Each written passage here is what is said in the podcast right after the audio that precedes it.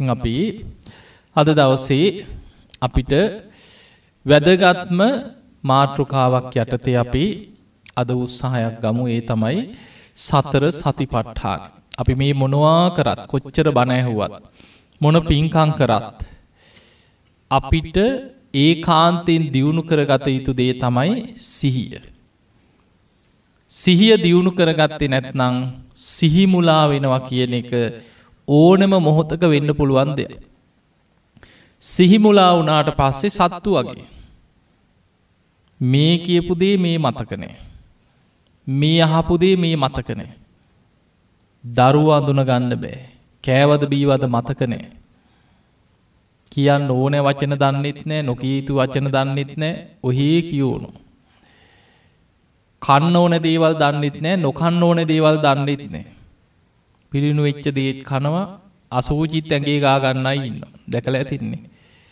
එතකොට ඒ වගේ සිහිමුලා වනාට පස්සේ මනුස්සේගේ ජීවිතයේ වටිනාකම සම්පූර්ණ අවසන් වෙලා යන. බුදුරජාණන් වහන්සේගේ ධර්මය තුළ උන්වහන්සේ පෙන්න්නන්නේ සිහිය.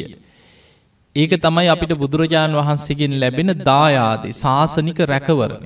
දැන් හැම බුදු කෙනෙක්ම අත් නොහැර දේශනා කරන දේශන පෙළක් තියෙනවා. දැන් අපේ බුදුරජාණන් වහන්සේගේ ධර්මස්කන්දය ගත්තොත් අසූහාර දහසක ධර්මස්කන්දය. ඒ අතර සූට දේශනා ගත්තත් දහට දාහක විතර සූට දේශන ප්‍රමාණයක් තියෙන. ඒ ඒ දේශනා බුදුරජාණන් වහන්සේ එදා එදා මුණ ගැහෙන අයට කරන දේශන. හැම බුදු කෙනෙක්ම ඔය දේශන ටික ඔය විදිහටම කරනව නෙමේ. දැම් බුදුරජාණන් වහන්සේ පාරි වඩිනකොට කවුරු හරි ගොවිය කම්බෙන. අහනව කොහිද යන්නේ ස්වාමීනි මං මේ කුඹුරු කරන කෙනෙක් ගොවි තැන් කරන්න යන ඔබ කොහොම දහන කුඹුර කරන්න. එතකොට ඔහු කුඹුරු කරන හැටි බුදුරජාණන් වහන්සේට දේශනා කර. උන්වහන්සේ බලන ඔහුට ධර්මාවබෝධයේ පිණිස දහම් දෙසන්න ඕන මොන විදිහටද. එයාගේ ඉන්ද්‍රිය ධර්ම වැටලා තියෙන කොයි විදිහටද. බුදුරජාණන් වහන්සේත් මමත් ඔය වගේම කුඹුරු කරනවා කියලා ශ්‍රාවකයන් බුදුරජාණන් වහස පෙන මගේ වී තමයි සද්ධහ බීජමං වපුරුවන්. මගේ කෙත තමයි භික්‍ෂු භික්‍ෂුණී උපාසක උපාසිකාව සිව්වනක් ශ්‍රාවකයෝ. මම වතුරාරිනවා කියන්නේ මං මේ විදිහට සිල්වත්ත සමාධිය ප්‍රඥාව දියුණු කරමින් මං මගේ කුඹුරු වපුරනවා මගේ අස්වන්න තමයි මාර්ගඵල මේ විදියට බුදුරජාණන් වහන්සේ දහම් දෙසනකොට හර ගොවියා මේක ගලපලා තමන්ගේ නුවනින් අවබෝධ කරගෙන ධර්මය අවබෝධය ලබන. සමහර වෙලාවට අසූචි කද කරගහගෙන යන කෙනෙ කම්බෙන සුනීතල වගේයි සෝපා කළ වගේයි. ඒ ඒ අයට ගැලපෙන දහම් පද කිව්ව. එතකොට හැම බුදු කෙනෙකුටම ඒ අය ඒ විදිහට මුණ ගැහෙනවා නෙමෙයි. ඒ ඒ කාලේ ඒ ඒ මුණ ගැහෙන පුද්ගලයන්ට ඒ ඒ බුදුවරු ධර්මය ගලපමින් ඔවුන්ගේ ඉන්ද්‍රිය ධර්මෝල ස්වභාවයට දහම් දෙසනවා. හැබැයි හැම බුදුරජාණන් වහන්සේ නමක්ම අත් නොහැර කරන දේශනාවක් තියෙන. දේශනා කීපයක් තියෙන. හැම බුදු කෙනෙක්ම ප්‍රථම ධර්ම දේශනාව ආරම්භ කරන්නෙම ධම්ම චක්ක දේශනාව. ඒක අත් නොහැර කරන දේශනාව. ඒ නිසායේ දේශනාවට අපි කියන්නේ අවිධහිත දේශනයක්. අවිධහිත කියන්නේ හැම බුදු කෙනෙක්ම අත් නොහැර කරන දේශනා. අවිධහිත පුුණ්‍ය භූමි කියන්නේ හැම බුදු කෙනෙක්ම පරිහරණය කරන භූමි. ඒ වගේ තමයි සතර සති පට්ඨානය. හැම බුදු කෙනෙක් මත් නොහැර කරන දේශනාව. තැන් හිතන්න සත්තිස් බෝධිපාක්ෂික ධර්මදිහා බලන් පටන්ගන්නෙම සතර සති පට්ඨානය. ඊළඟට සතර සම්‍යයක් ප්‍රධාන වීරි ඒ වීරිය වඩන්න තියෙන්නේ වඩන හැටි දේශනාව තියෙන සතර සති පට්ඨානි තුළයි සතර සම්‍යයක් ප්‍රධාන වීරිය වැඩෙන. ඊළඟට සතර ඉරදි පාද ඉරදි පාද වඩන්න තියෙනෙ සති පට්ඨානය තුළ පිහිටල. ඊළඟට පංච ඉන්ද්‍රිය ධර්ම ගත්තොත් එතන තියෙනවා සති ඉන්ද්‍රිය කියලා ඒ සතර සති පට්ඨානෙමයි. පංච බල ධර්ම ගත්තහම එතන තියෙනවා සති බලන් ඒ සතර සති පට්ඨානෙමයි. ඊළඟට සත්ත බොජ්ජංග ධර්ම ගැන කතා කරනකොට එතන පටන්ගන්නෙම සති සම්බෝජ්ජන්ගේ. ඒ සතර සති පට්ඨාන. ආර්යෂ්ඨායික මාර්ගී තුළ තියෙනවා සම්මා සතිය. ඒත් සතර සති පට්ඨානෙමයි. එදකට බෝධිපාක්ෂික ධර්ම කොහෙන් ගත්තා සති පට්ඨානෙන් තොරව යන්න පුළුවන්. බෑ. ඒ නිසා අපිට සතර සතිපට්ඨාන ගැන අපි ඒ කාන්තෙන් දියුණු කළ යුතු වැඩිය යුතු භාවනා ක්‍රම ඇතුළත් හැම බුදු කෙනෙක් මත් නොහැර දේශනා කරන අවිධහිත දේශනා. එනිසා අපි චුට්ටක් සරලව උත්සාහයක් ගම අද දවස පුරාම මේ සතිපට්ඨානේ තේරුම් ගන්න උත්සාහයක් ගම. අහල ඇති ඉගෙනගෙන ඇති හැබැයි අපිට රහත් වෙනකම්ම ඕකම තමයි දියුණු කරගන්න තියෙන. කොච්චර ඇහුවත් කොච්චර දැනගෙන හිටියත් අපිට තාම ධර්මාවබෝධය ලබාගන්න බැරි වෙලා නං අපිට ඒ දේශනාවමයි එල්ලිලා ගොඩ යන්න තියෙන ආයි වෙන දේශනා නෙමෙයි. අපි වෙන කොහෙම් බණ ඇහුවත් සතිපට්ඨාන ඒකට ගැලපෙනවා මිසක් සතිපට්ඨානෙන් තොරව නිවන් දකින්න පුළුවන්කමක් නෑ. අඩුම ගානේ සද්ධානුසාරී වුනත් ධම්මානුසාරී වුණත් සෝවාන් වනත් සතර සතිපට්ඨානය ඇතුවමයි ධර්මාවබෝධය වඩාගන්න තියෙන.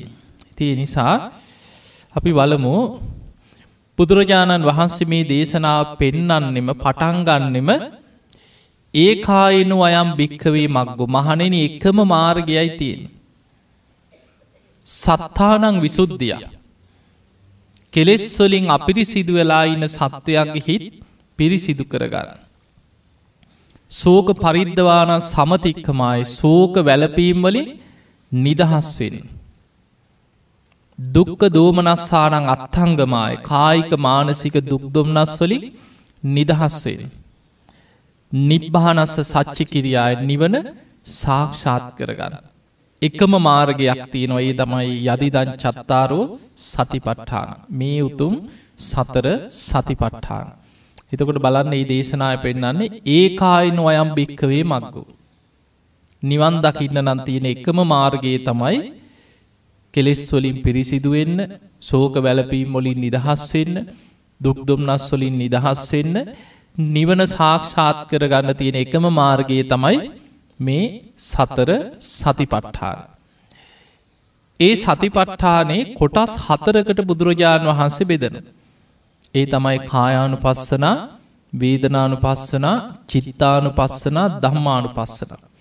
එතන තැන් අපි වචනීම ගමු සතර සති පට්ඨාන. සතර කියන්නේ කායානු පස්සනා වේදනානු පස්සනා චිත්තානු පස්සනා දම්මානු පස්සන. සති කියන්නේ සිහිය පට්ඨානය ගැන පිහිටවනවා. එතකොට කායානු පස්සනාව තුළ සිහිය පිහිටවීම වේදනානු පස්සනාව තුළ සිහ පිහිටවා ගැනීම චිත්තානු පස්සනාව තුළ සිහ පිහිටවා ගැනීම දම්මානු පස්සනාව තුළ සිහ පිහිටවා ගැනීම කියන මෙන්න මේ අනුපස්සනා හතරි සිහිය පිහිටවා ගැනීම තමයි සතර සතිපට්ඨානි තුළු ගන්නන්න. බොහොම ලස්සන උපමා කීපයක් බුදුරජාණන් වහන්සේ පෙන්නනවා එකක් තමයි බුදුරජාණන් වහන්සේ වදාලා ඔන්න කැස්බෑවෙක් ඉන්නවා කැස්බෑ පැටියෙක්. මේ කැස්බෑ පැටියා අර කැස්බෑව ඉතින් හැංගිලා ඉන්න තැන් තියෙනවා මුහුදේ හැංගිලා ඉන්න ඔය කොරල් පරාස්සේ ඒ වගේ හැංගෙන්න්න තැන් තියෙන. එතකොට මේ පැටියට අර වැඩිහිටි කැස්බෑව හොඳට මුහුද ගැන පීනන් ඕන තැන් නොයන්න ඕන තැන් ගැන දන්න ඒ අයි කියනවර පොඩි දරුවන්ට කියල දෙනවා වගේ අම්මල තාත්තල කියනවා වැඩිහිටි කැස්බෑව් මේ පැත්තේ යන්න එපා. මෙන්න මේ ප්‍රදේශය යන්න පානතුරු තියෙනවා. මේ පැත්තට එහෙම පීනගෙන යන්න එපා අනතුරු තියෙන. දවසක් මේ කැස් බෑවා කියනද යහන්නේ නැතුව අර එපා කියපු අනතුරු සහිත පැත්තේ පීනගෙන ගිය. ගියාට පස්සේ වැඩිහිටි කැස් බෑව බැලුව කෝනෑ ගිහිල් අන්න හිතුවක් කාරය ගිහිල් ෑන් අර පැත්තේ. ටික වෙලාවකට පස්සේ ආපහු පීනගෙනාවයි පැත්තට.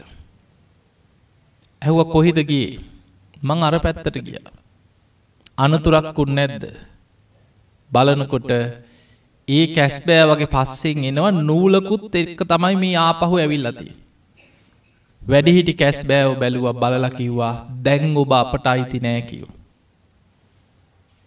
ඔබ හිතුවක්කාර විදිහට නොයායුතු මාර්ගයේ ඔබ ගියා දැන් ඔබ අනතුරී වැටිලා විවරයි.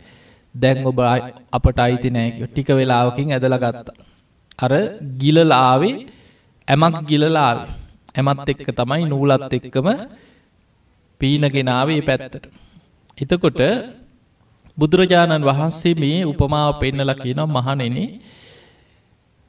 ආරක්ෂිත ස්ථානයක් අනතුරින් ආරක්ෂා වෙලා ඉන්න පුළුවන් ආරක්ෂිත ස්ථානයක් ඒ කැස්බෑවන්ටත් තමන්ගේ උරුමයෙන් ලැබිල තියෙනවා.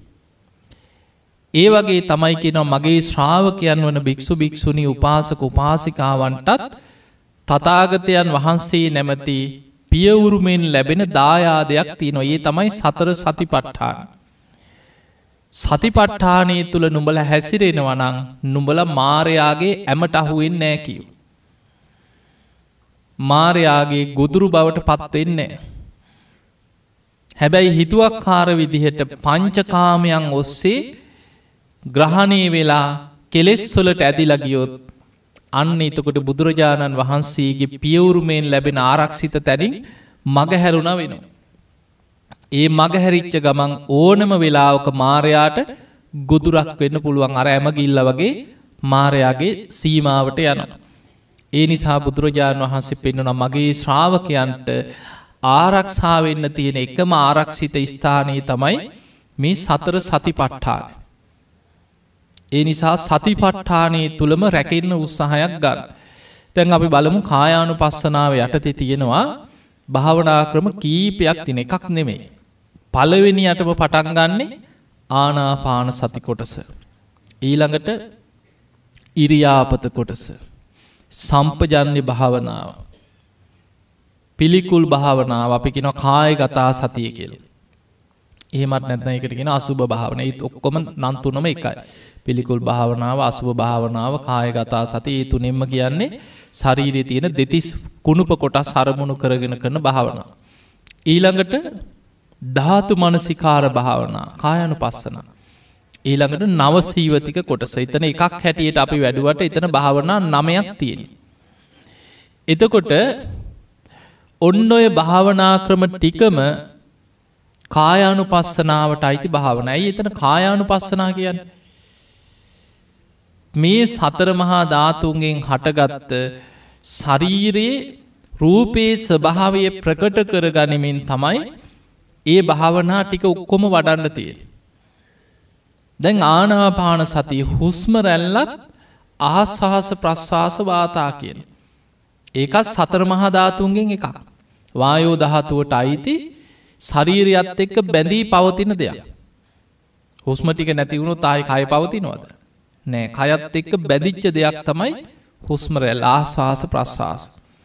ඒ නිසා ආශ්වාස ප්‍රශ්වාස කිරීමත් ශරීරයත් එක්ක බැදිච්ච නිසා ඒකත් කායානු පස්සනාවට අයිති දෙයක්.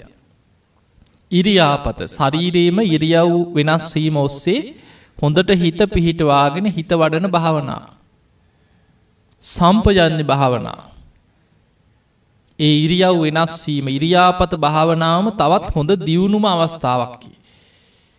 හැම ඉරියව් වෙනස්වීමක් තුළම හැම ඉරියව් වෙනස්වීමක් තුළමයා හොඳ සිහියෙන් ඉන්නවා මගේ හිතට ලාම කකුසලයක් නං ඇතුල් නොවේවා කියන සිහියෙන් සම්පජන්නෙන් ඉරියව් පවත්තන. ඉරියාපත භාවනාව කරන්න ඉරියව් ගැන සිහිය පවත්වන විතරයි. සම්පජන්න භාවනාවදි කරන්නේ වටපිට බැලුවත්. අතපයි දිගහැරිය හැකිලි වුනත්. ඉදිරියට යනවා ආපස්සට එනවා කතා කරනවා කනව අසිතේ පීතේ කායිතේ සාහිතේ කෑම කනකොට බොනකොට හපල කනකොට කැවිලි වගේ දෙයක් කමනකොට ඒ හැම වෙලාම සම්පජානකාරී හෝති. ඊළඟට සංගාටි පත්ත චීවර ධාරණය සම්පජානකාරී හෝති.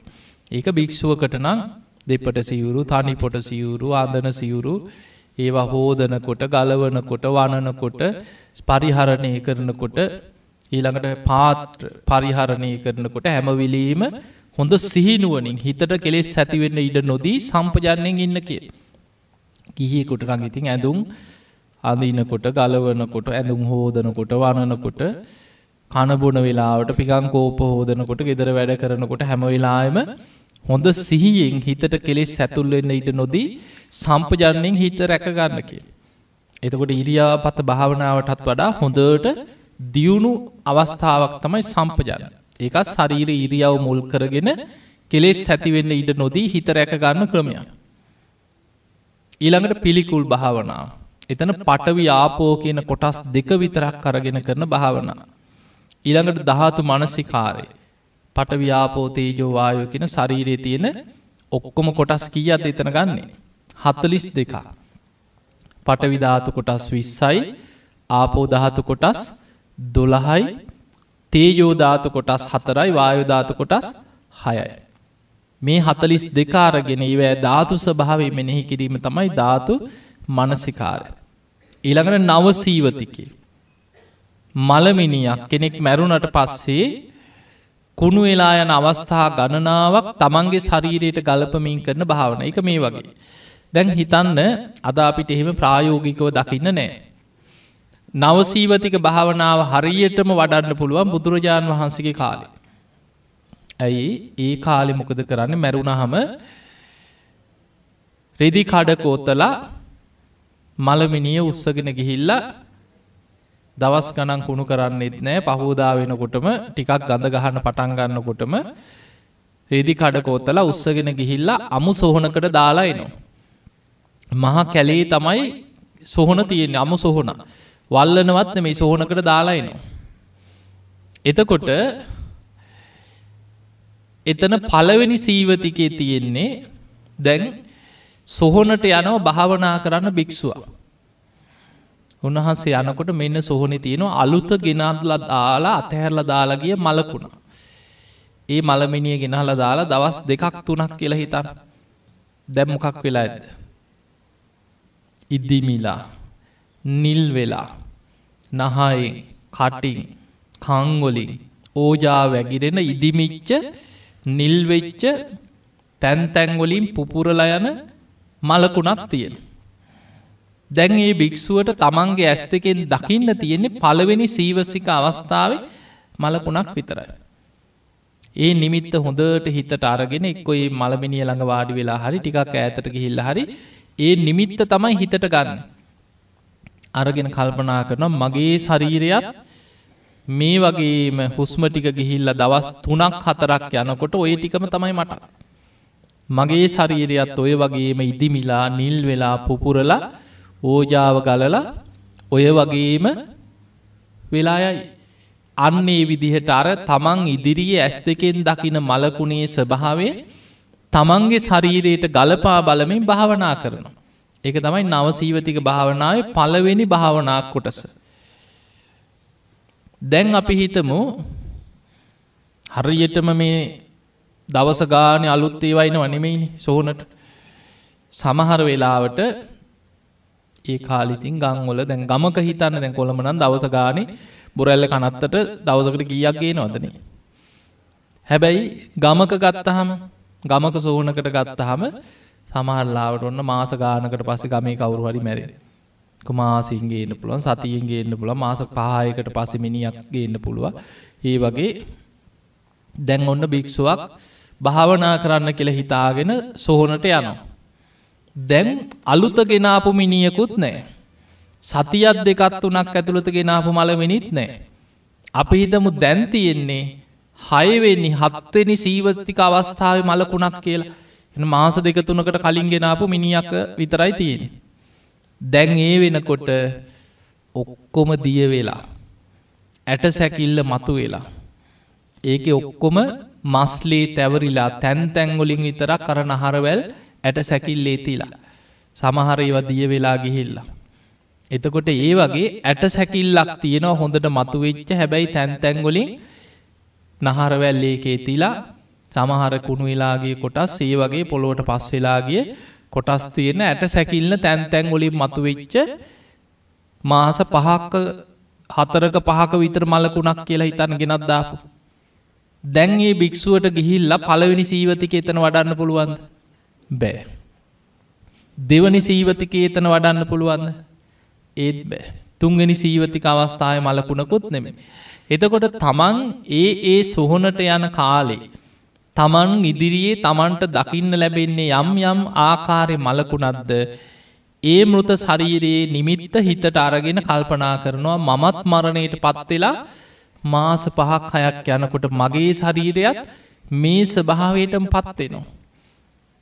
මේ සම්මස් නහර පිරිලා මේ හමකින් වැහිලා මං මේ විදිහට උපදාගෙන මේ ශරීරි බොහොම ලස්සන්ට පවත්වගෙන ගියත් මටත් වෙන්න ඔය ටිකම තමයි. මගේ ශරීරෙත් සම්ම හම ඔක්කොම කුණු වෙලායයි මස්ටික කුණු වෙලා දිය වෙලායයි හදවත අක්මාව බඩ දිව පෙනහලු ඊළඟට වකුගඩු හිස්මොල බඩවැල් ඔක්කොම කුණු වෙලා යයි ගිහිල්ල ඉවරලා අවසානය මේ වගේම ඇට සැකිල්ල විතරක් ඉතුරුවේ. තැන් තැන්වලින් කුණු වෙලාගේ අර නහර වැල් ටිකක් එතිලතියේ. ඔය වගේ තමන් ඇස් දෙකෙන් දකින අර මලකුණ තමන්ගේ ශරීරයට ගලපලා එතන භාවනා කර. දැන් අපි හිතම ඔන්න භික්ෂුවක් සොහොනකට යනව කියලා භාවනා කරන්න. එහෙම සොහොනකට යනකොට දැන් ඒ සොහොනට කාලිකින් මළමිනියක් ගෙනහල්ලම නෑ. දැන් තියෙන්නේ අවුරුදු අවුරුද්ධකට දෙකට කලින් ගෙනත්දාප මළමිනියක ඇට කෑලි කීපයක් තියෙන. ඒකෙත් ඇට සැකිල්ලෙත් දැන් කෑලි තැන් තැන්ගොල ගැලවිලා ගිහිලා හිස් කබල තැනක. බෙල්ල ඇට කෑලි කොහෙවත්. අත් ඇට තව දිහාක ඉලාට කුඩුව තව පැත්තක. ඊළඟට දනිස් ඇට කෙන්ඩ ඇට තව තව තැන්ගොල පුරුකෙන් පුරුක ගැලවෙනවා. ගැලවිච්ච කෑලි ටිකත් තැන් තැන්ගොල තියෙන. එතකොට ඒ භික්‍ෂුව සොහොනට ගියාට පස්සේ දැම් පළවෙනි සීවතික වඩන්න පුළුවන් බෑ. දෙවනි තුන්ගනි සීවතිකත් නෙමෙ. හර අටවෙනි නමවෙනි අන්තිම සීවතික භාවනාවල් තමයි දැන් උන්වහන්සේ හිතනවා මමත් මරණයට පත්වෙලා කාලයක් සමට අවුරුද්දත් දෙකක් ගියොත් මගේ මේ ශරීරයත් ඔය වගේම තමයි ඊට පස්. මේ ශරීරය ඇට සැකිල්ලත් පුරුකෙන් පුරුක ගැලවෙන කාලයක් එනවා. හිස් කබල වෙන දිහාක බෙල්ලි ඇයට තව දිහාක අත් ඇයට තව දිහාක ඒ විදිහට තමන් ඇස් දෙකෙන් දකින මෘත ශරීරයේ අර මලකුණේ ඇට සැකිල්ලෙ ස්භාවේ තමන්ට ගලපමින් භාවනා කර. එතකොට ඔය නවසීවතිකය මලකුණක් කුණු වෙලා කුණු වෙලා කුණු වෙලා අන්තිමටම දිරලා ඇට සැකිල්ලත් දිරල පස්වෙලාම යන අවස්ථා නමයකට බෙදලා භාවනා නමයක් හැටියට පෙන්න්නන්නේ ඒකයි. හැබැයි අදාපිට එහෙම ප්‍රායෝගික වඩන්න පුළුවන්ද. අදාපිට එහෙම දකින්නත් නෑ අද මළමිනීහෙම වඩන්න අමාරු. හැබැයි අදාපි භාවනා කරනකොට බොහෝ වෙලාවට භාවනාවට වාඩි වෙලා හිතෙන් එවැනි අරමුණක් හිතට මවාගන්න. මුත ශරීරයක් මෙන්න මේ වගේ කියලා හිතෙන් සිහි කරලා අපි අවස්ථා නමේම එකට වඩාගේ එහෙමයි වඩන්න මෙහෙමයි කුණු එන්නේ මෙහෙමයි මෙහෙම කුණු වෙලා කුණු වෙලා පස් වෙලාම යනවා කියලේ ඔක්කෝම එකට භාවනා වසයෙන් වඩන එකත් ඉතින් කායන පස්සනා වැඩෙනෝ නමුත් ඒ හරියටම ඉදා පෙන්ඩපු ක්‍රමේට වඩා යම් වෙන සක් තියෙනවා. එතකොට අපි ඔය විදිහට මේ භාවනාවල් ටික ටික හරි දියුණු කරගන්න උත්සාහයක් ගන්නට ඕන.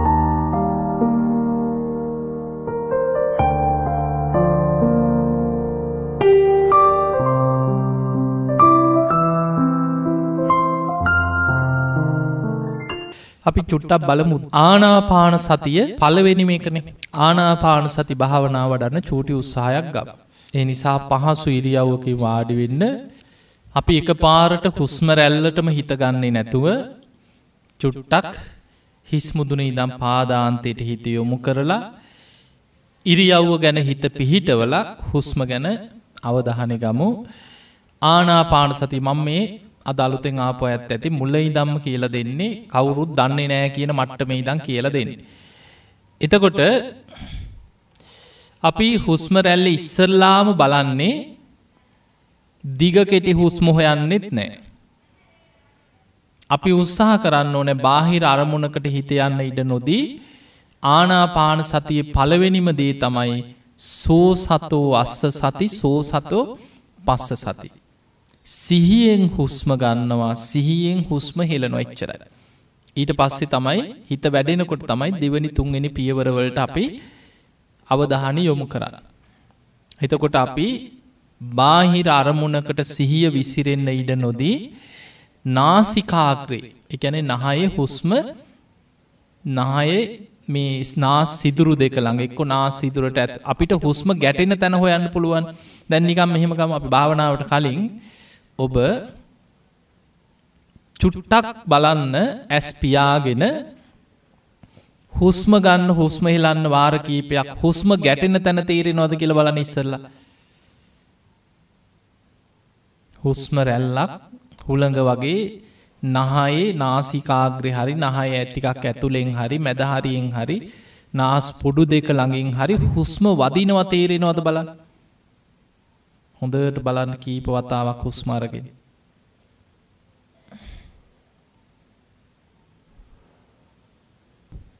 තේරෙනවත්ද අන්න එතන අපේ හුස්ම වදින තැන තේරෙනවනං අන්න එතන තමයි හොඳට සිහිය පිහිටවාගෙන ආශ්වාසයක් කියලා හුස්ම ගන්නකොට හිතන.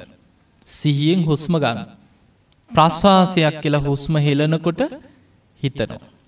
ඒ අපි හිත ඇතුල්ලෙන් හිතනවා. මෙනෙහි කර එකට කෙන විතක්ක. විචාර කියන්නේ නැවත නැවත මෙනෙහි කර. ආශ්වාසයක් ප්‍රශ්වාසයක්. ආශ්වාසයක් ප්‍රශ්වාසයක් කියල හිතන. ඊට පෙරාපී ඉරියව්ව ගැන සීකර හොඳයිද. සාධූ සාධූ සාධු. දැන් හිතයොමු කරන්න හිස් මුදුනට. හිස් මුදුනේ ඉඳම් පාදාන්තෙ දක්වාම අපි හොඳට ඉරියව්ව ගැන ඉස්සරලා හිතන්න ඔබ. ඔබේ හිස් මුදුන. හිසේ තියෙනක් කෙස්. නලල ඇහි බැඹ. ඇස් දෙක. නාසය. තොල් පෙති. නිකට. කම්බුල් කම්පෙති. ඔබේ මුහුණේ ස්වභාවය හොඳට හිතට ගන්න. දැන් හිතයොමු කරන්න බෙල්ලට. වම් උරහිස. වම් උරහිස්සට ඇමිනිලා වං අත. වං අත දිගේ සිහි කරන්න. වං අතේ වැලමිට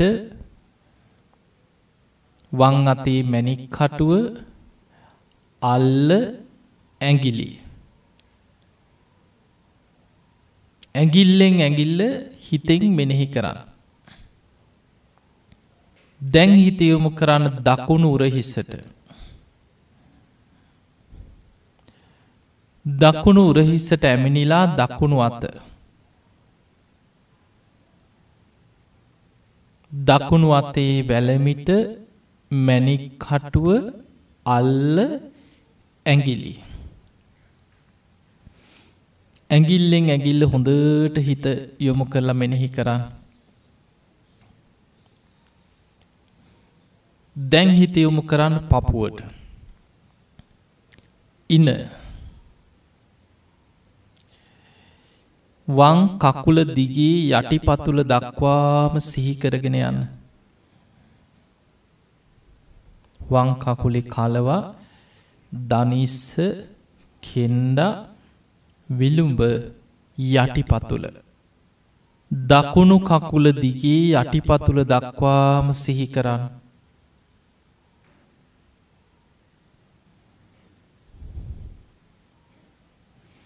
දකුණු කකුලේ කලවා දනිස්ස කෙන්ඩ විලුම්ඹ යටිපතුල.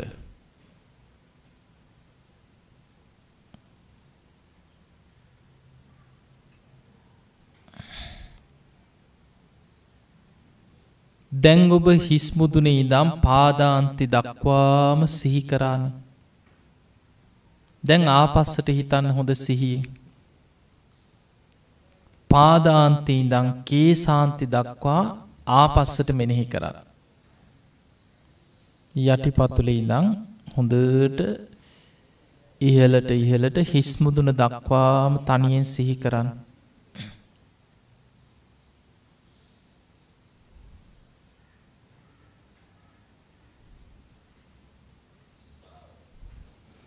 දැන් හිතයුමු කරන්න හිස්මුදුනට නලල ඇහි බැම්බ. ඇස් දෙක නාසය. දැන් ඔබ සම්පූර්ණ අවධාන යොමු කරගන්න. තොල් පෙතිවල උඩු තොලට ඉහලින් නාසේ නා සිදුරු දෙක ළඟින් හොඳට අවධානි පිහිටවාගන්න. දොරටු පාලකෙක් දොරටුවෙන් ඇතුල් වෙන අය ගැනත් පිටවෙන අය ගැනත් හොඳ සිහියෙන් ඉන්නෝ වගේ. ඔබේ නාසිකාක්‍රයෙන් ඇතුල් වෙන හුස්ම ගැනත් පිටවෙන හුස්ම ගැනත් හොඳට සිහියෙන් හුස්ම ඇතුල් වෙනකොට ආශ්වාසයක් කියල හිතන්න. නාසේ හුස්ම ගැටමින් හුස්ම පිට වෙනකොට ප්‍රශ්වාසයක් කියල හිතන්න.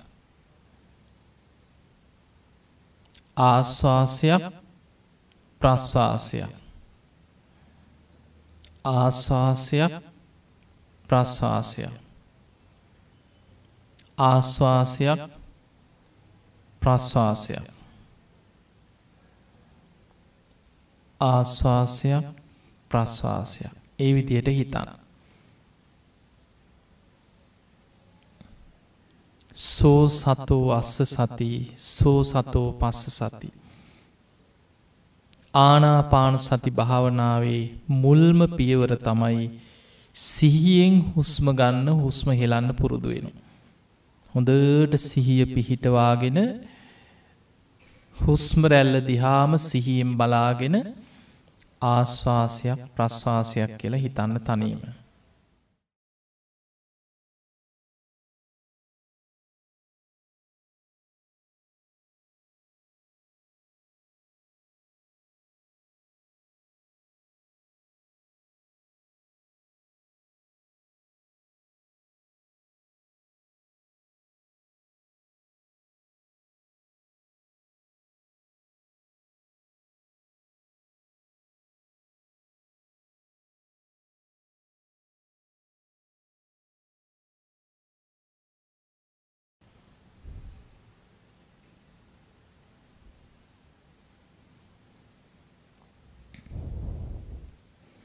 බාහිර කිසිම දේකට හිතයොමු කරන්න එපා.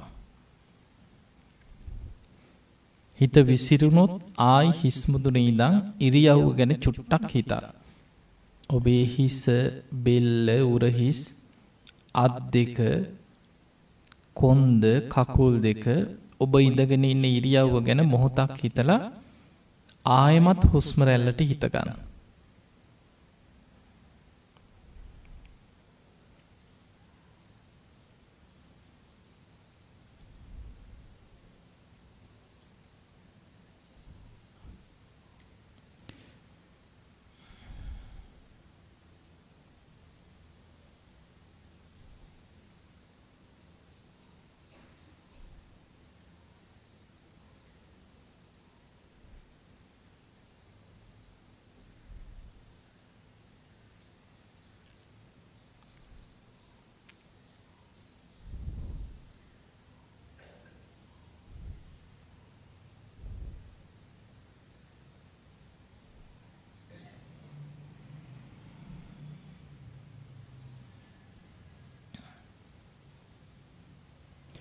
හොඳයි. සාධූ සාධූ සාධූ සාධ. ආනාපාන සතියේදි පලවෙනියටම පුරුදු ඉන්න ඕන ඔය ටික. අමාරුයි. අනිත් භාවනාවලට වැඩි ආනාපාන සති අමාරුයි. ඇයි අමාරු. ඒකාරම්මනයි. එක අරමුණයි තියෙන හුස්ම දිහා බලාගෙන ඉන්න විතරයි. වීරිය නැති කෙනා තැනින් ඒ සැනින්ම කුසීතකමට වැටෙනවා. මිදි මතට අලසකමට කම්මැලි ගතියට සැනින් වැටෙනවා ඒ කාරම්මන අරමුණක් නිසා. වීරියෙන්මයි නිදිමත යටපත් කරගෙන භාවනා මනසිකාර හිත පිහිටවන්න තිය. දැන් අනිත් භාවනා ඔක්කොම වැඩිපුරම ගත්තෝ.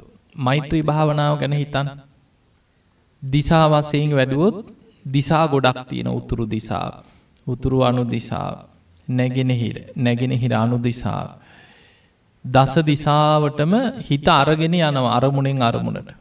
ඊළඟට මෛත්‍රී වඩන කොටත් නිදුක්වෙම්වා. නිරෝගිවෙම්වා. සුවපත්තෙම්වා. වෛර නැත්තෝ එම්වා. තරහ නැත්තෝ එම්වා. ඊරිසියා නැත්තෝ එම්වා. දුක්පීඩා නැත්තෝ එතන අරමුණු ගොඩා. දිසාවෙන් දිසාවට හිත මෙහේවනවා අරමුණෙන් අරමුණට හිත අරගෙන යනවා එතකොට අපේ හිතේ ස්වභාවේ තමයි දුවන හිතක් තියෙන. අරමුණෙන් අරමුණට පැන පැන දුවන හිතක්. බුදුරජාණන් වහස උපමාවකට පෙන්නවා මේ හිත හරියට වඳුරෙක් වගේ. වඳුර ඒකාත්තක එල්ලිලා ඒ අතෑරපු ගමම් ඊළඟත්ත අල්ලගන්න.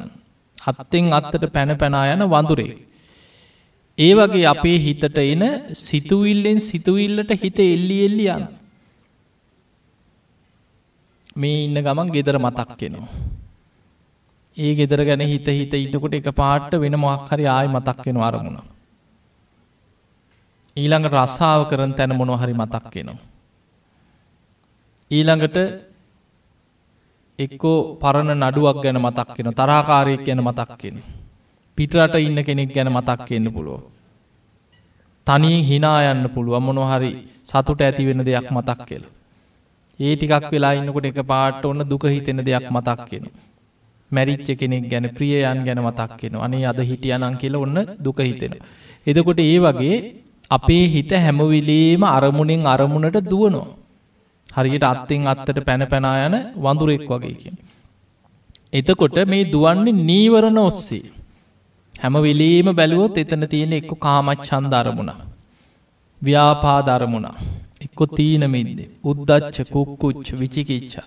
ඔය පංච නීවරණත් එක්ක අතීත අරමුණු වර්තමාන අරමුණු අනාගත අරමුණු කෙලෙස් සහිත පංචකාමයන් තුළ අරමුණු ඔස්සේ දුවදවා හිත තියෙන.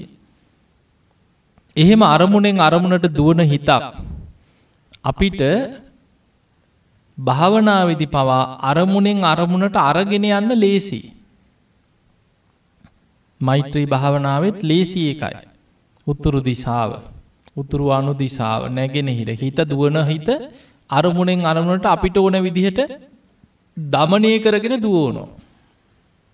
හීලෑවක් නැතුව දුවන හිත ඕන අරමුණක් ඔස්සේ අපි අරගෙන යන. එක ටිකක් පහසුයි. හැබැයි දුවන හිත එක පාරටම එක තැනක තියාගෙන ඉන්න එක මාරමුණක් දිහා බලාගෙනම ඉන්න පුරුදු කරන්න හැදුවොත් ටිකක් අමාරු. හුස්ම දිහාම බලාගෙන හුස්ම රැල්ලේම හිත පිහිටවාගෙන නාසිකාක්‍රය ළඟම හිත තියාගෙන ඉන්නවා කියන එක ලේසි දෙයක් නෙමේ. හිත පනිනෝ පුරුද්ධ තියෙන දුවලා. ඒ නිසා හුස්ම දිහා බලාගෙන ඉන්නකොට එකේ කරමුණු මතක්කෙන. හිත දුවන දුවන දුවන අරමුණෙන් ආයමත් සිහියෙන් හිටියොත් දුවපු ගමන් තේරෙන. දැම් මේ සතිපට්ඨාන කියන එක ආනාපාන සතිය විතරන්න මේ වැඩෙන්නේ. සරල ඔබට කියන්නම් මෙහෙමයි හොඳට සතිපට්ඨානෙ වඩනකොට සිහියෙන් ඉන්නකොට හිත විසිරුණත් වැඩෙන්නේ සතිපට්ඨාන සිහියෙන් ඉන්නකොට. දැන් අපි ගම ආනාපාන සතිය ගැන හුස්ම දිහා හොඳට සිහියෙන් ඉන්නවා. එහෙම සිහියෙන් ඉන්නකොට එක පාට හිත විසිරෙනවා. හොඳට සිහියෙන් ඉන්න කෙනාට තේරෙනවා විසිරිච්ච ගමන් මගේ හිත දැම් විසිරුණා. ඒමකක්දේ. චිත්තානු පස්සනා වික්කිත්තංවා චිත්තම් වික්කිත්තන් චිත්තන්ති පජානාති කියල. මගේ හිත විසිරුණා කියලා විසිරිච්ච ගමන් දැනගරන්න. හොඳට හිත ගැන සිහියෙන් ඉන්න කෙනා හිත විසිරෙනකොටම තේරෙනවා මගේ හිත දැන් අරමුණ ඔස්සේ දුවනෝ. එක චිත්තානු පස්සනාවට අයිති. ඒ අරමුණ ඔස්සේ හිත විසිරුණා කියලා දැනගත්ත කෙනා මොන අරමුණටද හිත විසිරුණේ මේක කෙලෙස් සහිත අරමුණක් ඒක ආදීනව සිහි කරනවනම් ඒක දම්මානු පස්සනාවට. නීවරණ කොටස පංචුපාදානස්කන්ද කොට සාහිතන කොටස චතුරාරි සතු ඔක්කොම දම්මානු පස්සනාව කොටස්. අරමුණ අනිත්‍ය වසයෙන් සිහි කරලා ආයමත් හුස්ම රැල්ලට හිතගේනවා. දැම්මම් භාවනා කර හිටිය මං මේවා හිතන්නෑ කියලා සැනින් ආයමත් හුස්මරැල්ලට හිතගන්න. එතකොට ආයමත් හිත අරගෙනාවේ කායනු පස්සනාවට ආනාපාන සතියට. ඒ වගේ සිහියෙන් ඉන්න කෙනාට හිත විසිරුණත් ආපහු අරමුණට ගන්න පුළුවන්. හොඳට සිහිය පවත්වන්න බැරි කෙනාට වෙන්නේ භාවනාව පටන් ගන්නවා ආනාපාන සතිට ඉඳ ගන්න. හුස්ම දිහා බලාගෙන හුස්මත් දෙකක් ගන්නකොටම වෙන අරමුණකට හිත යනවා. ඉඩමක් ගැන මතක් කෙනවා. භාවනාව ඉවර වෙනකං ඉඩම ගන්නවා. ගෙවල් හදනවා ණය ගන්නවා. ගේ පදිංචියට යනවා. ඊට පස්සේ ආදැන් භාවනාව ඉවර වෙලා සාදු සාධකිපම එක පාට්ට ඇස් සැරල බලනවා. එතකොට ආනා පන්සති වැඩලද. සිහිය සිහියෙන් ඉන් නැති කෙනා හිත යන අරමුණ ඔස්සේ ඔහේ පැටලි පැටලි පැටලි පැටලි ඔහේ යනෝ තනී. ඒවට ගැන ප්‍රපංච කියලා. හිතෙන් මනෝලෝක ගොඩ නගනු. එක අකුසල් ප්‍රපංච ප්‍රපංච ගොඩනගන්න පුරුදුනාට පස්සේ සමහරු ඒවට ඇලුම් කරන. ඒවට ආස කරන. තැම් බලන්න සමහරුව මනෝලෝකවල ජීවත්වෙනවා ගැන තනියෙන් ඔහෙ බලාගත්තුවත බලාගෙන තනියෙන් හිනාවෙනවා හිතෙන් ගෙවල් හදනවා හිතෙන් වාහන ගන්නවා හිතෙන් ලෝක ගොඩනගාගෙන මනසින් ඒවා විඳිනවා. එතකොට ඒ තුළ නොඒ කෙලෙක් සහිත අරමුණු සිහිකර කර සීකර කර ඔය හිතෙන් මෙනෙහි කර කරයින්. ඒකට හිත පුරුදුනාට පස්සේ හිත කුසල අරමුණක් තුළ එකඟ කරන්න අමාරුයි. නීවරණවලට දුවනු. තැන් අපි භාවනාවිදි කරන්නේ කුසල අරමුණක් තුළ හිත එකඟ කරන්න උත්සාහ කරන. හැබැයි හිත පුරුදු වෙලා තියෙන කුසල අරමුණේ එකඟ වෙන්න නෙමෙයි. අකුසල අරමුණු තුළ නීවරණ තුළ දුවන්. මොකද හිත පවතින්නේ ලෝබ දවේශ මෝහ කියන අකුසල මූලයන් තුළයි හිත පවතින්. අපේ විඤ්ඥානය හටගෙන තියෙනෙ නාමරූප නිසා හටගත් විඤ්ඥානයක් අපිට තිය. එතකොට අපේ විඤ්ඥානයේ පිහිටල තියන්නේ අකුසල මූලයන් තුළ. අපි මෙහෙම වාඩි වෙලා බෝම හොඳට සුදු ඇඳගෙන අහාගෙන හිටියට හිත අභ්‍යන්තරී මොනවද තියන්නේ. රාගානුසේ පටිගානුසේ අවිජ්‍යානුසය අනුසේ ධර්ම ආශ්‍රව තියෙනවා. ඒවා යට ගිහිල තියෙන බණහනකොට ඒව නිකන් කොහෙද තියෙන්නේ කියලවත් හොයන්න බෑ. අලු යට ගිනි පොකුරු වගේ කෙලෙස් යටපත් වෙලා තියෙන. හැබැයි අරමුණ ඔස්සේ හිත දුවනො හැම වෙලේම හිත හොඳ සිහියෙන් හිත දිහා බලාගෙන හිටිය නැත්නං හිත කෙලෙස් සහිත අරමුණ ඔස්සේ සැනින් දුවනු. ඒවා වංචනික ධර්ම හැටියට. එක ඒක සුරූපය මතුවෙනවා මෛත්‍රියයේ සුරූපය මතුවෙනවා කෙලෙස්. සාධහරණත්වයේ සුරූපය මතුවෙනවා කෙලෙස්. මෙහෙම කරලා හරියන්නේ මේක සාධහරණයක් තියෙන් ඕන කියල ඔන්න සාධහරණත්වයේ සුරූපය මතුවෙනවා කෙලෙස්. මෛත්‍රියයේ සුරූපය මතුවෙනවා. ඒවට කෙන වංචනික ධර්මයි කෙලෙස්වල හැටි. එක ඒක සුරූපය මතුවෙලා තමන් භාවන අරමුණෙන් වෙනත් අර නීවරණ ඔස්සේම පුරුදු වෙච්ච ප්‍රපංච ඔස්සේ හිතාරගෙන යන.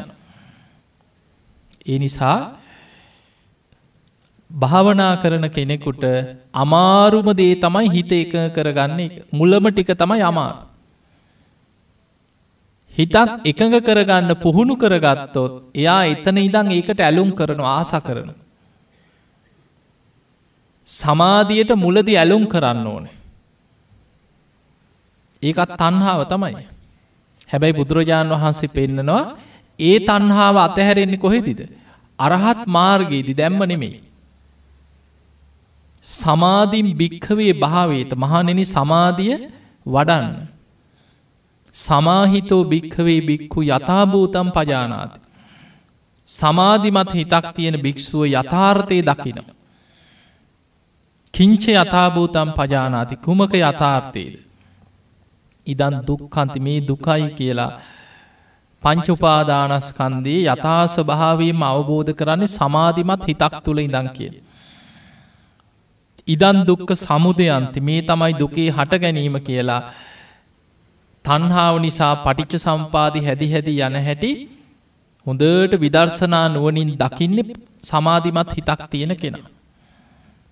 ඉදන් දුක්ක නිරෝධන්ති මේමයි දුක නිරුද්ධ වෙන්න කියලා අවිද්‍යාවත් තන්හාාවත් නිරුද්ධ වෙනකොට පටිච සම්පාදය නිරෝධය දකින්නේ සමාධිමත් හිතක් තියෙන කෙනා කිය. ඉදන් දුක්ක නිරෝධගාමිනී පටිපදාති යථභූතම් පජානාත. මෙන්න මේ විදිහටයි ආර්යෂ්ඨායික මාර්ගයේ තුළ කෙලෙස් ප්‍රහාණය වෙලා නිවන් මඟ වැඩෙන්නේ කියලා යථාර්ථයෙන් දකින්නේ සමාධිමත් හිතක් තියෙන කෙන. සමාධිය ශාසනයේ ඒක කල්්‍යයාන ධර්මයක්. මේ බුද්ධ ශාසනයම කල්්‍යයාන ධර්ම තුනක් තියෙන. ආදි කල්්‍යයාන මජ්ජයේ කල්්‍යයාන පරියෝසාන කල්්‍යයාන. බුදුරජාණන් වහන්සේ දහම් දෙසල තියෙන එහෙම. මුල මැද අග. එතකොට මුල නැති වුණොත් අගට යන්න පුළුවන්. බෑ. මැද අතහැරියොත් අගල්ලන්න පුළුවන්. බෑ. ඒ නිසා කල්්‍යයාන ධර්ම. මුල මැදාග ගැලපෙන විදිහටයි යන්න. සීල සමාධි ප්‍රඥා. සීලයක් නැතුව සමාධයක් වඩන්න බෑ. එතකොට සීල සමාධි දෙකම නැත්නම් ප්‍රඥා වැඩින්නෙත් නෑ. සීලයක් තුළයි සමාධිය බුදුරජාණන් වහන්සේ අන්තිම කාලේ උන්වහන්සේගේ මහා පරිනිබ්භාන සූත්‍රය පුරාම තියෙන්නේ නිතර නිතර භික්‍ෂූන් වහන්සේලාට දේශනා කරනවා ඉති සීලං මහණනි සීලේ කියන්න මෙයයි. ඉති සමාධි සමාධී කියන්න මෙයයි. ඉති පඤ්ඥා ප්‍රඥාව කියන්න මෙයයි. සීල පරිභාවිතෝ සමාධි මහත් පලෝ හෝති මහානිසංසෝ. සීලයෙන් දියුණු කරගන්න සමාධිය මහත් පලයි මහානිසංසයි. සමාධි පරිභාවිතම් පඤ්ඥම් මහත් පලෝ හෝති මහානිසංසු. සමාධිය තුළ පිහිටල දියුණු කරන ප්‍රඥාව මහත් පලයි මහානිසංසයි. පඤ්ඥා පරිභාවිතන් චිත්තන් සම්මදේව ආසවයෙහි විමුච්චති කියල. ප්‍රඥාවෙන් දියුණුවෙන හිත සියලු ආශ්‍රවයන්ගෙන් මිදෙනවා. එතකොට කෙලෙස්වලින් මිදෙන්නේ ප්‍රඥාවෙන් දියුණුවෙන හිත. එතකොට ප්‍රඥාවෙන් හිතක් දියුණු කරලා කෙලෙස්වලින් මුදවගන්න නං වඩන්න ඕනේ සීල සමාධි ප්‍රඥා වඩාගෙන යනකොට තමයි ප්‍රඥාව තුළ කෙලෙසුන්ගේ මිදෙන මාර්ගය මත්වේ. ඒ නිසා අපිට සමාධයක් කියන එක අවශ්‍යයි. හැබැයි සමාධිය වඩනවා කියන්නේ අපි අවංකව ගත්තොත්. දැන් ඔය ආරන්නක නං බොහෝ වෙලාවට ඔය තාපස ජීවිතයක් ගත කරන කෙනෙක් නං නීවරණවලින් වෙංවෙච්ච පරිසරයක ඉන්න කෙනෙක් නං එයාට සමාධිය වඩාගෙන යන්න පහසු යැයි පලිබෝධ අඩුයි. නමුත් සාමාන්‍ය සමාජී තුළ පංචකාමයන් තුළ ජීවත්වෙන කෙනෙකුට භාවනා කරනකොට භාවනා කරන්න වෙලා තිනර ග්‍රීස් ගහහි නගි නොවගෙන නැකල තින ග්‍රීස් ගහහි නගෙනවා. ටිකක් උඩට නගෙනවා රූටගෙන පල්ලට වැටෙනවායි. ආ යමාරුවෙන් උඩට නැගන්න ආයි රූටගෙන පල්ලෙහට වැටෙන. අන්න ඒ වගේ. එතකොට සමහරු ටිකක් භාවනා කරනවා ආයමත් කෙලෙස් වලට හිත වැටෙන. ආයි ප්‍රශ්න ටිකක් ඇවිලා ආයි ටික කවුල් වෙලා ආයි මුල ඉඳම් පටන්ගන්න. ආයි භාවනා කරගෙන යනවා ආයිටික කාලෙකින් ආයමත් ප්‍රශ්නය අවුල් කෙලෙස්වොල්ට ආයමත් හිත වැටෙන. එහෙම එහෙම තමයි අර වැටි වැටි නැකටිනවා හෝද හෝද මඩේ දානවගේ අපි වීස් ගහහි නගිනවගේ තම මේක කෝමාරි අල්ලගෙන යන්න තියෙන. එනිසා සමාධිය පැත්ත වඩන්. හැබැයි අපිට ආනාපාන සතියම ඕන කියල එකක් නෑ. ඒකයි බුදුරජාණන් වහන්සේ භාවනා ක්‍රම ගොඩාක් පෙන්ලන්න. දැන් ඔය තවත් දේශනාවලට එනකොට තියෙනවා සමත භාවනා සම චත්තාරීස හතලියක් හැටියට විස්තර. කසීන ඔය ගොඩක් දස අනුස්සති ඒ වගේ දිගට දිගට ඔය භාවනා ක්‍රමකොට ආනාපාන් සතිය වැඩෙන් නැත්නම් ධාතු මනසිකාරි වඩල බල. ඒ තුළ හිත පිහිටන්න පුළුව. සමහරුන්ට අසුභ භාවනාව තුළ හොඳට හිත වැඩෙන. කෙනෙකුට මෛත්‍රී භාවනාව තුළ හොඳට හිත වැඩෙන. සමත පැත්ත. කෙනෙකුට බුද්ධානුස්සතිය හොඳට හිත වැඩෙන. ඒ වගේ අපිට වැඩෙන එක්කෝ අට්ටික සංඥාව. හොඳට හිත වැඩෙන්න්න පුළුව. ඒ භාවනා ක්‍රම කීපෙන් මොකක් හෝ භාවනාවක් පුරුදු කරගන්න. මේ ලැබූ වර්සය හරි පටන් ගන්න භාවනා පැත්තක් පටන් ගන්න ආයිතින් හැදන්න කාලයක් නෑ. කෞද දන්න ඉති මේ අවුරුද්ධ ඉවරණක ඉදීද කියලනේ. ගිය අවුරුද්දෙ වැඩ සටහන් වලට ආපු අයගෙන්. කී දෙනෙක් මේ වෙනකොට මේ ගිය දෙදස් දාසයේ පටන්ගත්නකොට හිටපු අය දාහත පටන් ගන්නකොට කී දෙනෙක් දැන් වලවල් ඇතුළෙද අවංකව හිතන්න මොකද අපිට ධර්ම දේශනාවලට ආරාධනා කර මම බණ භාරගන්නේ නොවැම්බර් මැද වගේ. ගිය අවුරුත් දෙනම් පෙබරවාරි වගේ වෙනකොට තමයි මුළු අවුරුද්දෙම බණටික මගේ පිරුණේ. මේ අවුරුද්දේ දැන් ඊයම් බණ ඔක්කොම නැවැත්තුවම. අවුරුද්ධ බණ ඔක්කොම් පිරිලා ඉවරයි. ඊයම දැන්වීමත් දාලා බණ සියල්ල නැවැත්තුව දෙසැම්බර් වෙනකන් දැම් බාරගෙන ඉවරයි. ඉක්මනින් මුළු අවුරුද්ධෙම බණටික පිරුණා. හැබැයි දැන් ගියවුරුද්ධ මුලින්ම ඇවිල්ලා අපිට බණට ආරාධනා කරපු අයගෙන් අවුරුද්ධ මුලමනි ආරාධනා කරන්න එක්කො දෙසැම්බර් නොවැම්බර් වගේ තමයි ඇවිල්ලා ඉතින් ආරාධනා කරනකොට දින නැති වෙනකොට ඈතට ඈතට ගිහිල්ලා නොවැම්බර් දෙසැම්බර් ඔක්තෝම්බර් දිහා බණ බාරදීලා යනවා. තියෙන දිනයක් අරගෙන යනවා. තින් මම කතා කරා සමහරලාවට බලලා ලියාගත්ත නම්බරවලට තොරතුරකුත් හරියට ළඟ තියලා ආය ආරාධනාව සිහිපත් කරන්නත් ආවේ නැති වුණාම අපි ඉතින් කතා කරලා බලනවා. එහෙම කතා කරපුවාම පහුගිය අපේ බණවාරවලම පහළවක් විතර මට හම්බුණා. අපි කතා කරපුවාම අනේ හාමුදුරනේ දැන් මාස හතරක් වෙනවා අම්මා නැති වෙලා කියන. ඇවිල්ලා අපිට බණට ආරාධනා කරලා ගියාට මෙහෙම බණකට ආරාධනා කරලා තියෙනවා මේ බණ මොකද තියෙනවද කියලා අහපුවාම යා නෑ මැරිලා. ඒ වගේ අපිට පේනවා වැඩසටහන් වලට ආපු අය ඒ වැඩිපුරම ඉතින් ওই වැඩසටහන් වලට එන යන අපි දන්නෙත් නැහැ ඉතින් හැමෝම ගැන. ඒ වගේ කී දෙනෙක් නම් ඒ අවුරුද්ද අවසන් වෙනකොට මැරෙනවද? ඒ නිසා හිතන්න අපි දෙදස් දාහත පටන් ගත්තට දාහතේ දෙසැම්බර වෙනකොට කී දෙනෙක් අපි දන්නේ නෑ මොන වගේ අනතුරක් වෙයිද. අපේ ආවිෂ ගෙවිලා ඉවරයිද. ඉදිරියේ මොන වගේ විපතකට අපිට මුණ දෙන්න සිද්ධ වේද.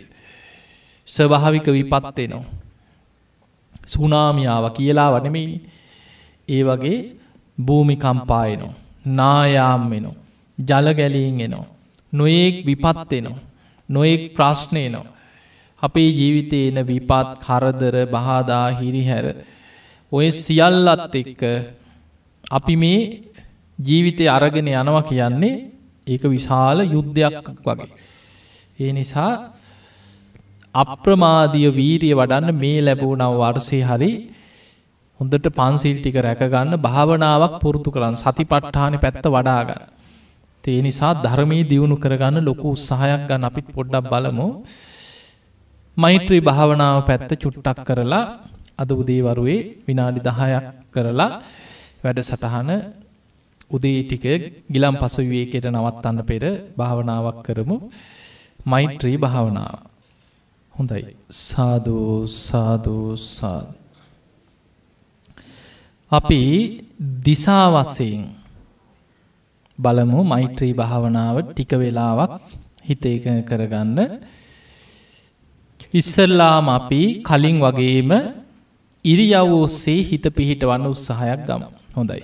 සාධූ සාධූ සාධ හිස්මුදුන ඉදම් පාදාන්ති දක්වාම සිහි කරා.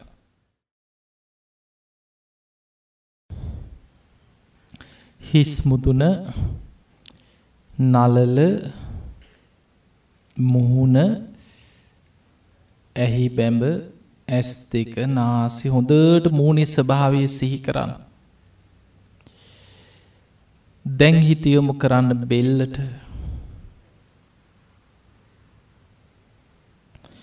වම් උරහිස්සට ඇමිනිලා වං අත. වං අත දිගේ සිහි කරන්න ඇගිලි කෙලවර දක්වාම.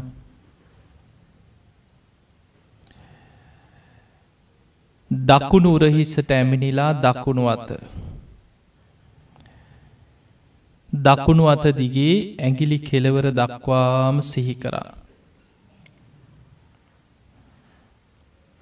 පපුුව. ඉන වං කකුල දකුණු කකුල. ඔබ ඉඳගෙන ඉන්න ඉරියව්ව හොඳට හිතට ගන්න. ඔබට ඉදිරියෙන් ඉන්න කෙනෙක් ඔබව දකිනවා වගේ ඔබ දිහා ඔබ හිතෙන් බලන්න. ඔබේ හිස්ස බෙල්ල උරහිස් දෙක අත් දෙක ඔබ ඉඳගෙන ඉන්න ඉරියව්ව හොඳට හිතට පිහිටවාගන්න.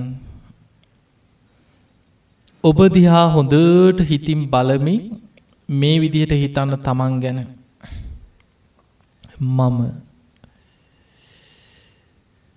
නිදුක්වෙම්මා නිරෝගිවෙම්මා සුවපත්වෙම්මා වෛර නැත්තෙක්වෙම්මා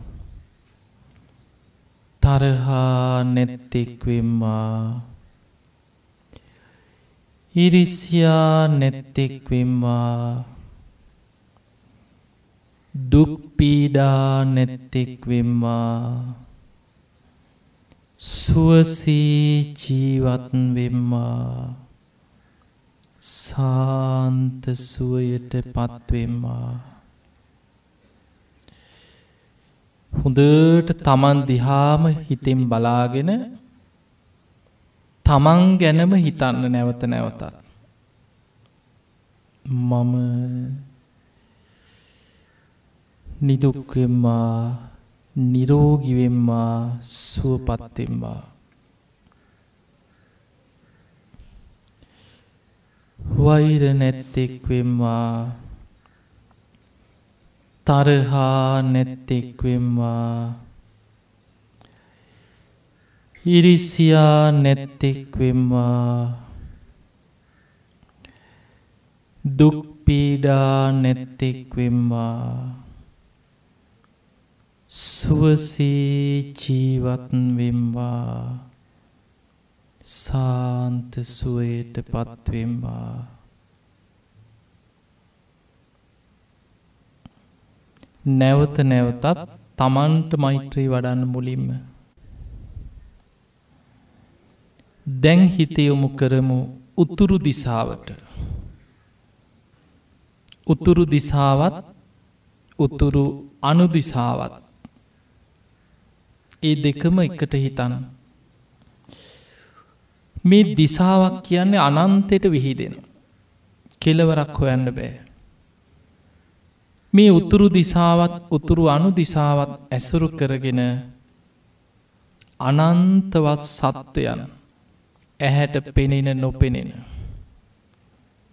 හීන ප්‍රනීත දුර සිටින ළඟ සිටින ගොරෝසු ශරීර ඇති සියුම් ශරීර ඇති පා ඇති නැති අපා දෙපා සිව්පා බොහෝ පා ඇති සෑම සත්වයෙක්ම සුවපත්තේවා කෙළහිතන් දැන් ඔබ ඉදිරියෙන් තියෙන උතුරු දිසාවයි කියෙන අරමුණෙන් හිතයොමු කරන්න උතුරු දිසාවටම උතුරු අනු දිසාව අනන්තයට විහිදෙනවා. හොඳට හිතන්න. මේ උතුරු දිසාවෙත් උතුරු අනු දිසාවෙත් ඉන්න සෑම සත්වයෙක්ම. වෛර නැත්තූ එත්වා තරහා නැත්තූ එත්වා දුක්පීඩා නැත්තූ එත්වා සුවසේ ජීවත් වෙත්වා. සාන්ත සුවයට පත්වෙම්මා උත්තුරු දිසාව ඉන්න සෑම සත්වයෙක්මත්. උතුරු අනුදිසාව ඉන්න සෑම සත්වයෙක්මත්. නිදුක්ගෙත්වා නිරෝගිවෙත්වා සුවපත්වෙත්වා සුවපත්වෙත්වා සුවපත්වෙත්වා සුවපත්වෙත්වා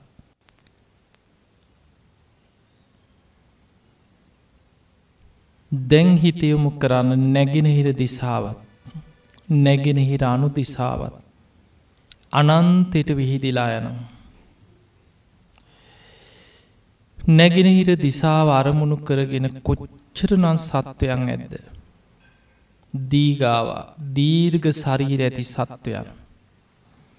මහන්තාවා මහත සරීර ඇති සත්වයන්. මජ්ජිමාවා මධ්‍යම් ප්‍රමාණ ශරීර ඇති සත්වයන්. රස්ස කුඩා සතුන්. අනුක ඇහැට නොපෙනෙන තරම් සියුම් සත්වය. තූලාව වටකුරු හැඩෙන් යුද්ධ සත්වය. දිට්ඨාවා ඒ වද්දිට්ඨා දැකල තියෙන සත්තු වගේම ජීවිතයට නොදැකපු සත්වයක්. නැගෙනහිර දිසාවත් නැගෙනහිර අනු දිසාවත් ඇසුරු කරගත් මේ සෑම සත්වයෙක්ම සුවපත්තේවා කෙළහිතන් නැගෙනහිර දිසාවෙත් නැගෙනහිර අනු දිසාවෙත් සිටිනේ සෑම සත්වයෙක්ම වෛර නැත්තූ වෙත්වා තරහා නැත්තූ වෙත්වා ඉරිසියා නැත්තූ ඉත්වා. දුක්පීඩා නැත්තූ විත්වා සුවසී ජීවත් වෙත්වා. සාන්ත සුවයට පත්වෙත්වා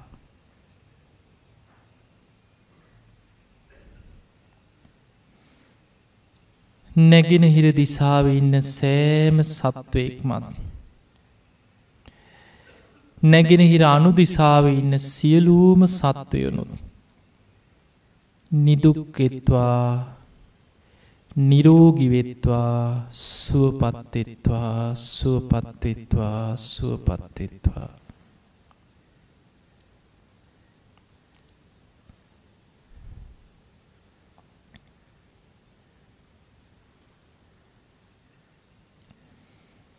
දැන් හිතයොමු කරන්න දකුණු දිසාවට දකුණු අනු දිසාවටත්. දකුණු දිසාවත් අනන්තෙට විහිදෙනවා. දකුණු අනු දිසාවත් අනන්තෙට විහිදිලා යනවා. අහසේ සිටින පොළොවේ සිටින ජලී සිටින සෑම සත්වයෙක්ම පා ඇති පා නැති අපා දෙපා සිව්පා බොහෝ පා ඇති සෑම සත්වයෙක්ම සුවපත්වේවා කෙළහිතන් දකුණු දිසාව ඉන්නේ සෑම සත්වයෙක්ම නිදුක්වෙත්වා නිරෝගිවෙත්වා සුවපත්වෙත්වා වෛර නැත්තූ වෙත්වා තරහා නැත්තූ වෙත්වා ඉරිසියා නැත්තූ වෙත්වා දුක්පීඩා නැත්තූ වෙත්වා සුවසී ජීවත් වෙත්වා. සාන්ත සුවයට පත්වෙත්වා සුවපත්වෙත්වා. හොඳට හිතයොමු කරන්න. දකුණු දිසාව ඉන්න සෑම සත්වයෙක්ම. දකුණු අනු දිසාව ඉන්න සෑම සත්වයෙක්මත්. නිදුක්වෙත්වා නිරෝගිවෙත්වා සුවපත්වෙත්වා. වෛර නැත්තූ වෙත්වා තරහා නැත්තූ වෙත්වා සුවපත්වෙත්වා සුවපත්වෙත්වා සුවපත්වෙත්වා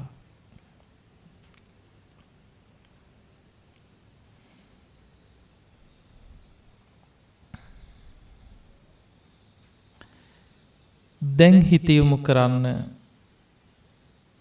බටහිර දිසාවට බටහිර අනු දිසාවටත්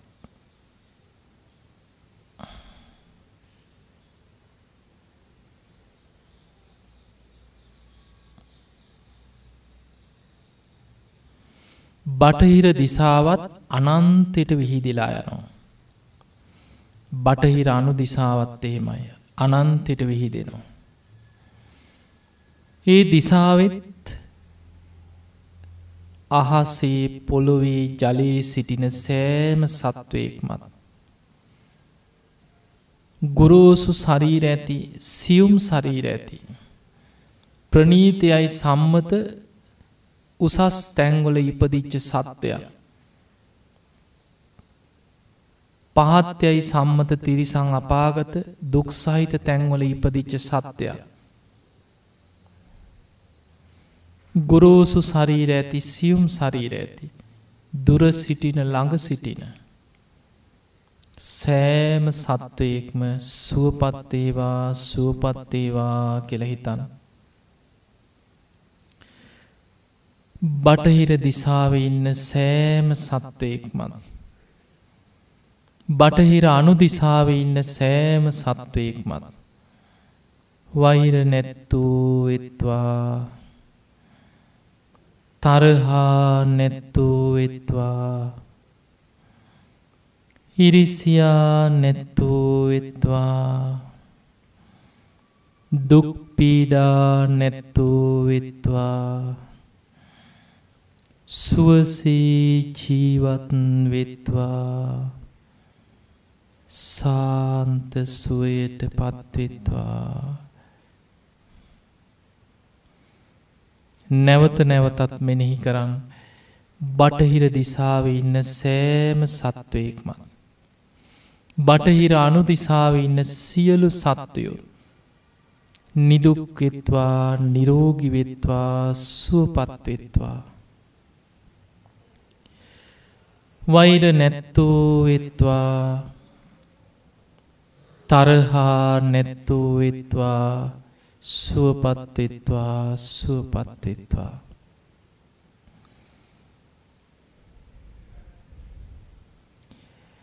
දැන් හිතයොමු කරන්න උඩ දිසාවට අහසේ සිටින. පොළොවේ සිටින යට දිසාවට මහපොළොවෙ හාරන්න හාරන්න සත්වයන්. පනුව ගැඩවිල්ලු පොළොව ඇතුළට යන්න යන්න ඇසට පෙනෙන නොපෙනෙන සත්වයන් කොච්චර මහපොළො ජීවත්වෙනවාද. උඩ දිසාව අහසි පියාඹන සතුන් නොපෙනෙන සතුන් ඉහලට යන්න යන්න සදයුලෝ බ්‍රහ්මලෝක කෙලෙස් සහිතව ජීවත්වෙන කාමලෝක දිවිය ලෝකවල සතුන් රූපී අරූපී බ්‍රහ්මලෝකොල සත්වයන් උඩ දිසාවෙත් යට දිසාවෙත් සිටින සෑම සත්වයෙක්ම නිදුක්වෙත්වා නිරෝගිවෙත්වා සුවපත්වෙත්වා වෛර නැත්තෝ වෙත්වා තරහා නැත්තෝ වෙත්වා ඉරිසියා නැත්තෝ වෙත්වා දුක්පීඩා නැත්තුූ වෙත්වා. සුවපත්වෙත්වා සුවපත්වෙත්වා සුවපත්වෙත්වා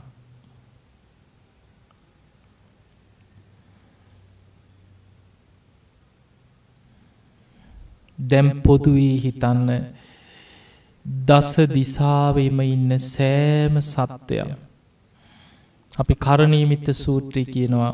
උද්දං අදෝච තිරියංච. උඩ යට හාත් පසතියෙන. සෑම දිසාවකම සියලූම සත්වයන්.